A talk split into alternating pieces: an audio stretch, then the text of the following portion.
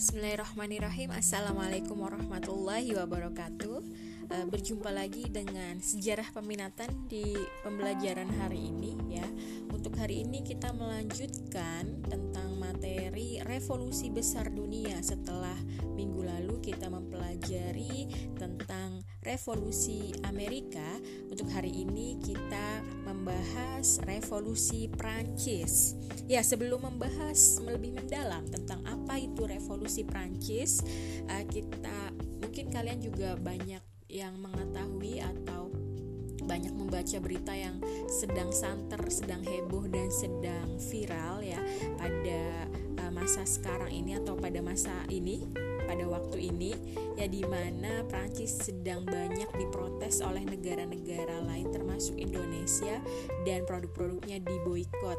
Uh, Salah satunya adalah Presiden Turki ya yang sangat mengecam keras atas pernyataan Presiden Prancis yang uh, me menghina dan melecehkan agama Islam yaitu uh, tidak lain dan tidak bukan karena setiap tahun biasa ya yang dilakukan oleh majalah Prancis yaitu Charlie Hebdo e, membuat dan menggambar karikatur Nabi Muhammad gitu. Padahal setiap tahun pula dan setiap waktu mereka merilis gambar e, Nabi Muhammad e, selalu diprotes oleh berbagai negara dan khususnya berbagai kalangan umat Islam. Namun di sini uh, nampaknya tidak bergeming ya Charlie Hebdo dan bahkan didukung oleh Presiden Prancis yaitu Emmanuel uh, Mac Macron.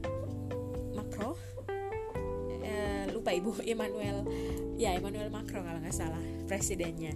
Dan dampaknya adalah banyak sekali negara bahkan uh, sebagian besar rakyat kita juga mengecam ya. Uh, sayang sekali gitu semaju negara Prancis pemikirannya uh, masih apalagi presidennya ya memicu gejolak di dunia ini gitu atas pernyataan yang sama sekali uh, nonsense ya sama sekali tidak benar seperti itu dan kita juga sebagai umat Islam ya tentunya sangat uh, mengecam gitu atas adanya gambar karikatur Nabi Muhammad. Nah, uh, kita akan belajar tentang revolusi negara tersebut ya di balik Prancis itu sebagai negara maju, di balik Prancis itu sebagai uh, mode dunia uh, sebagai kota romantis yang dikenal dengan Menara Eiffelnya namun sejarahnya itu ternyata banyak uh, berdarahnya ya banyak kelamnya banyak protesnya dari rakyatnya gitu. Dan ini salah satu revolusi besar dunia yang akhirnya juga uh, positifnya adalah mengilhami atau menginspirasi negara-negara lain khususnya Indonesia dan negara-negara tertindas, negara terjajah lainnya juga untuk uh, apa namanya? mengikuti ya, mengikuti revolusi Prancis ini untuk uh, memperbaiki tatanan pemerintahannya, tatanan sistem pemerintahan uh, dari di negara-negara itu sendiri. Oke, okay? uh, kalian bisa mendengarkan podcast ini sambil membaca PowerPoint yang Ibu share ya. Tentunya di bagian materi revolusi Prancis. Nah, di sini kita pengertian sebuah revolusi kita skip saja. Kemudian di sini uh, penyebab revolusi Prancis ya adalah kita balik lagi, lagi-lagi balik lagi ke um, materi Renaissance ya dan uh, Renaissance mengakibatkan paham rasionalisme dan afklarung atau pencerahan. Nah, paham ini menganggap bahwa pikiran merupakan sumber segala segala kebenaran sehingga segala sesuatu yang tidak masuk akal dianggap tidak benar. Oke, kemudian juga munculnya paham romantisme. Nah, di sini uh, ada ya di Eropa itu ada masa di mana paham romantisme itu muncul. Maksudnya bukan romantis cinta-cintaan, bukan romantis romantisan, bukan romans sesuatu yang uh, berhubungan dengan loving, bukan uh, berhubungan dengan cinta, bukan. Tapi di sini paham romantisme itu muncul di Eropa pada sekitar tahun 1750-an. Itu merupakan reaksi dari paham rasionalisme. Kalau rasional rasionalisme itu kebanyakan uh, paham itu menggunakan akal untuk apa segala macam yang ada di dunia ini itu dihubungkan dengan rasional gitu. Sedangkan kaum romantisme tidak selalu seperti itu. Karena e, di dunia ini ya apa yang ada di dunia ini juga bisa berhubungan dengan rasa gitu dengan perasaan menghargai naluri manusia. Nah makanya muncul e, paham romantisme atau kaum romantisme di Eropa. Selanjutnya nah ini yang paling berpengaruh ya. Kita sudah membahas minggu lalu uh, bahwa revolusi Amerika itu dibantu oleh jenderal Prancis yang bernama Lafayette yang akhirnya juga Prancis mendukung Amerika untuk uh, lepas dari Inggris. Namun istilahnya kasarnya gini, ya, istilahnya Lafayette ketika pulang ke Prancis Uh, dia merasa bahwa kok Prancis nggak lebih buruk dari Amerika padahal Prancis yang membantu Amerika untuk merdeka tapi ketika balik lagi ke Prancis mere uh, mereka melihat melihat keadaan negaranya itu malah lebih hancur kayaknya dari Amerika. Nah dari itu mereka juga uh, me, apa me, melawan pemerintahan yang absolut ya, melawan monarki yang absolut sehingga mereka juga men, me, apa, merebut memperjuangkan kebebasan dan demokrasi gitu di negaranya sendiri yaitu Prancis. Kemudian ketidakadilan dalam sistem feodalisme. Nah, feodalisme itu adalah di masya di dalam masyarakat itu ada tatanannya, ada stratifikasi, ada golongannya. Jadi di Amerika eh, di Prancis, mohon maaf, di Prancis itu pada masa itu dibagi menjadi tiga golongan yaitu golongan satu, dua, dan tiga. Golongan satu adalah bangsawan, golongan dua adalah kaum agama, dan golongan tiga adalah rakyat jelata. Nah, di sini golongan satu dan dua memiliki hak istimewa seperti bebas pajak dan dapat menarik pajak dari rakyat. Sedangkan golongan tiga itu tidak uh, tidak ada hak pilih ya. Kemudian juga malah dibebankan pajak dan disuruh kerja pula. Jadi di situ ketimpangan sosial dan uh, diskriminasinya sangat nyata. Makanya di sini akhirnya membentuk uh, suatu uh, apa ya namanya memprotes ya pemerintah. Nah, kemudian selanjutnya adalah pemerintahan yang buruk. Nah, di sini kekuasaan tunggal raja atau monarki absolut ya pada masa pemerintah pemerintahannya berubah menjadi tirani ya. Di sini eh, awalnya dari Louis ke-14 itu sudah mulai eh, monarki absolut sampai akhirnya puncaknya adalah di Raja Louis ke-16. Nah, di sini memiliki kekuasaan yang absolut ditambah uh, istri Raja Louis XVI adalah Mary Antoinette ya dikenal dengan nama Madame Deficit. Marie Antoinette ini adalah anak dari uh, Putri Teresa ya atau Marie Teresa dari kerajaan Austria. Nah, keduanya ini istilahnya kayak dijodohkan gitu untuk suatu uh, kemajuan, perdamaian kerajaan ya kalau zaman sekarang karena bisnis lah gitu. Namun Marie Antoinette itu uh, saat dijodohkan atau saat dinikahkan dengan Raja Louis XVI itu usianya masih sangat belia yaitu 14 tahun dan ditambah hobinya itu adalah foya-foya ya kegemarannya itu menghabiskan uang negara untuk berpesta untuk belanja gitu tidak memikirkan uh, rakyatnya bah padahal rakyatnya sudah sangat menderita. Nah, di sini ada mozaik ya dari tirto.id mengenai Marie Antoinette, kehidupannya dan uh, tragisnya di akhir kehidupannya Marie Antoinette dan Raja Louis ke-16 akhirnya dihukum mati dengan menggunakan guillotine.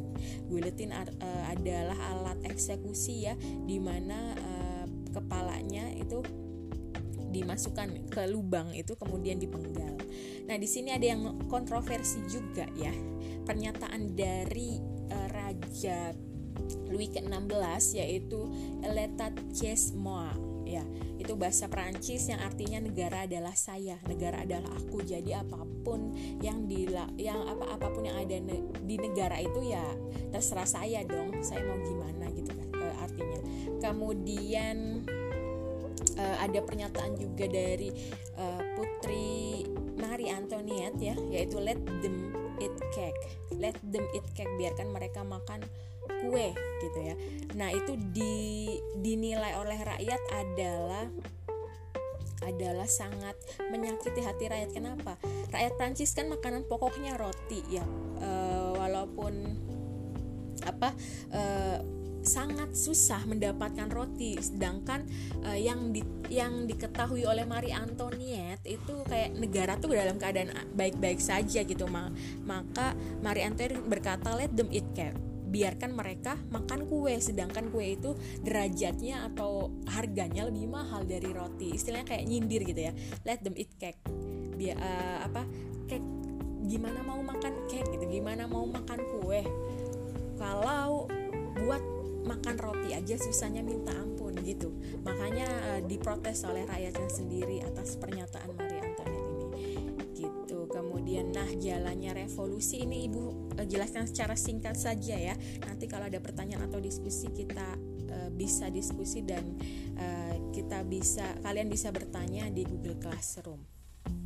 Nah jalannya revolusi di sini tahun 1789 ya Uh, pemerintah Louis XVI beban negara sudah sangat berat sehingga merencanakan menarik pajak kepada kaum bangsawan. Ingat, um, di Amerika ya ketika membantu uh, revolusi Amerika itu Prancis juga sudah jor-joran itu sudah menghabiskan banyak uang dan akhirnya kas negara habis ditambah Marie Antoinette itu juga foya-foya raja Louis 16 Louis 16 nya juga foya-foya ya kemudian nah karena itu e, mereka merencanakan gimana nih gitu ya untuk memperbaiki kas negara yaitu dengan menarik pajak daripada e, kaum bangsawan. Nah di sini kaum bangsawan juga otomatis protes ya, nggak mau ditarik pajaknya. Kemudian pada tanggal 17 Juni tahun 1789 eh, itu pembentukan Dewan Nasional atau Assemblée Nationale ya sebagai Dewan Perwakilan Prancis. Nah eh, ada apa ya di sini ada kontroversi juga ya antara kaum bangsawan juga nggak di nggak mau dinaikin pajak akhirnya membentuk dewan sendiri dan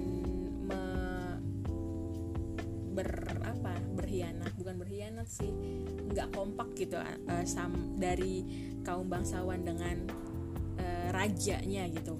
Sehingga ya protes itu uh, protes kemudian negara juga uh, carut marut di situ sehingga pada 14 Juli rakyat Prancis eh, menyerbu penjara Bastille ya yang merupakan tempat tahanan politik yang tadinya eh, orang-orang demonstrasi uh, kepada raja itu pada ditangkap-tangkepin dan dipenjara ya. Nama penjaranya adalah penjara penjara Bastille dan di situ juga adalah tempat gudang senjata. Sehingga ketika teman-temannya pada ditangkepin ya kayak kemarin demo di Jakarta itu ya istilahnya gitu uh, kalau sekarang. Nah, kalau lebih dulu uh, tentunya lebih lebih sadis daripada sekarang ya. Nah, e, karena itu e, rakyat menyerbu penjara Bastil yang isinya tahanan politik tadi ya. Nah, e, kemudian di, di sini lanjutannya bisa dibaca ya. E, ini urutan dari jalannya revolusi ya. E, undang-undang baru dibentuk gitu kemudian tapi itu semua gagal dan akhirnya di 14 Juli tahun 1790 ya UUD Prancis disahkan sehingga pemerintah Prancis telah berubah menjadi monarki konstitusional. Apa bedanya monarki absolut dengan monarki konstitusional? Ya, bedanya kalau monarki absolut itu raja sendiri yang mengatur segala sesuatu dalam pemerintahan, sedangkan kalau monarki konstitusional itu ada istilahnya ada DPR-nya, ada perwakilan-perwakilan rakyatnya dan raja tidak sendiri. Raja hanya sebagai lambang eh, lambang pemerintahan ya. Sedangkan yang menjalankan pemerintahan adalah perdana menteri. Seperti itu. Gambaran penyerangan terhadap penjara Bastille. Kemudian ini penjelasan tentang guillotine ya atau alat hukum. Alat untuk menghukum mati Raja Louis XVI dan Marie Antoinette. Dan itu di depan umum di depan rakyatnya Oke, di sini dampak revolusi Prancis ya, dampaknya karena keberanian rakyatnya uh, untuk memecah uh, untuk memprotes menurunkan uh, dan menghukum mati raja uh, raja Louis XVI ya. Maka dampaknya adalah penghapusan feodalisme yang tadi ya. Penghapusan feodalisme yang tadi ada stratifikasi sosial golongan 1 2 3 sehingga or, uh, semuanya sama gitu. Tidak ada tingkatan di dalam status sosial. Kemudian berkembangnya ide supremasi hukum. Kemudian munculnya ide pemerintahan republik ya yang sekarang banyak diikuti atau uh, banyak negara berbentuk republik. Salah satunya adalah negara kita Indonesia ya.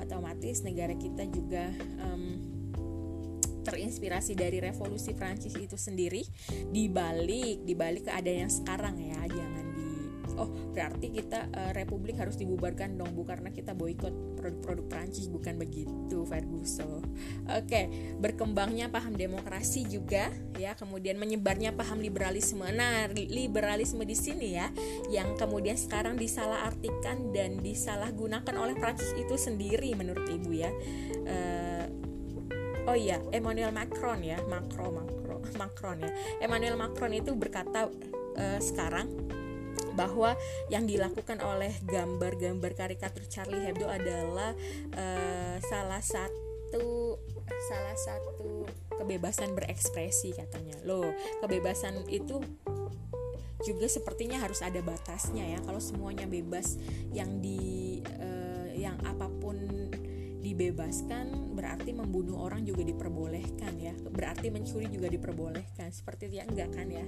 Kemudian uh, di sini liberalisme itu kalau kita dikekang di uh, tidak tidak apa ya namanya? Tidak uh, atau melanggar hak-hak sebagai manusia itu baru ya. Baru kita menuntut liberalisme. Tapi kalau apa yang dilakukan Charlie Hebdo rasanya itu sudah menyalahi aturan seperti itu. Dan apa yang dilakukan Charlie Hebdo juga bukan hanya Islam loh tapi Kristen juga agama-agama lain itu digambarin juga karikatur dan dilecehkan. Seperti itu. Oke kita OOT ya out of topic. Kita membahas apa yang sekarang sedang terjadi. Kemudian kita lanjut lagi di um, powerpointnya. Meluasnya paham nasionalisme ya kemudian timbulnya ide tentang aksi revolusioner ya yang sekarang itu kalau demonstrasi-demonstrasi terjadi itu uh, Prancis Amerika itu sudah mengalaminya lebih dahulu. Oke, sampai sini ya uh, penjelasan secara singkat tentang uh, revolusi Prancis. Oh iya, revolusi Prancis yang terkenal adalah kata-kata atau kalimat liberté, égalité dan fraternité. Ibu lupa di sini di PowerPoint tidak Ibu tulis ya. Tapi kalian coba cari di internet ya. Tulisannya adalah liberté, égalité dan fraternité. Fraternité, liberté adalah kebebasan, égalité adalah persatuan dan fraternité adalah persaudaraan. Diingat-ingat ya tiga kata. Tiga kata itu atau kalimat uh, yang muncul pada setelah revolusi Prancis. Revolusi Prancis itu menjunjung tinggi atau menuntut ketiga kata-kata tersebut. Menuntut kebebasan yang yang pertama, kemudian yang kedua menuntut persatuan dan yang ketiga menuntut persaudaraan. Seperti itu. Oke, namun eh, tokoh-tokohnya ya, tokoh-tokohnya itu di antaranya Jenderal Lafayette, kemudian ibu lupa satu lagi namanya kemudian ada Napoleon Bonaparte ya. Kemudian Napoleon Bonaparte uh, adalah di kemudian hari uh, beliau yang menjadi presiden di uh, Revol uh, di Prancis maksudnya ya. Kemudian ada Robert Spear ya Robert Spear kalau nggak salah namanya. Boleh dicek ya. Nah, namun uniknya, kenapa uniknya di sini adalah Napoleon Bonaparte itu berjuang mati-matian untuk uh, menurunkan raja, untuk melepas uh, dari feodalisme, untuk melepas dari monarki absolut. Tapi ke, di kemudian hari, ketika Napoleon Bonaparte berkuasa dan uh, memerintah di Prancis, malah dia sendirinya juga melakukan hal yang sama apa yang dilakukan oleh uh, pangeran Raja Louis ke-16 ya Napoleon Bonaparte juga selanjutnya di masa depan ya di masa depan atau setelah itu uh, dia juga menjadi seorang yang otoriter menjadi seorang diktator. Itulah kehidupan ya. It, uh, itulah manusia yang tidak bisa uh, menahan nafsu kekuasaan gitu. Kalau udah di atas kayaknya enak dirasanya kalau udah jadi penguasa makanya dia lupa semuanya ya sama halnya seperti sekarang yang sedang ribut di Indonesia yang sedang terjadi di negara kita juga seperti itu. Oke terlalu panjang ya sepertinya. Uh, kita akhiri sampai di sini uh, materi revolusi Prancis ya. Dan sepertinya ini materi terakhir di uh, semester sekarang. Kita lanjut nanti ketika semester depan dari revolusi Rusia berarti. Sayang sekali ini tidak selesai satu kompetensi dasar karena waktu yang memisahkan kita. Jadi sepertinya minggu depan akan ada ulangan harian ya. Tentunya diambil dari revolusi Amerika dan revolusi Prancis saja. Terima kasih. Mohon maaf apabila banyak salah-salah kata. Walafu minkum. Wassalamualaikum warahmatullahi wabarakatuh.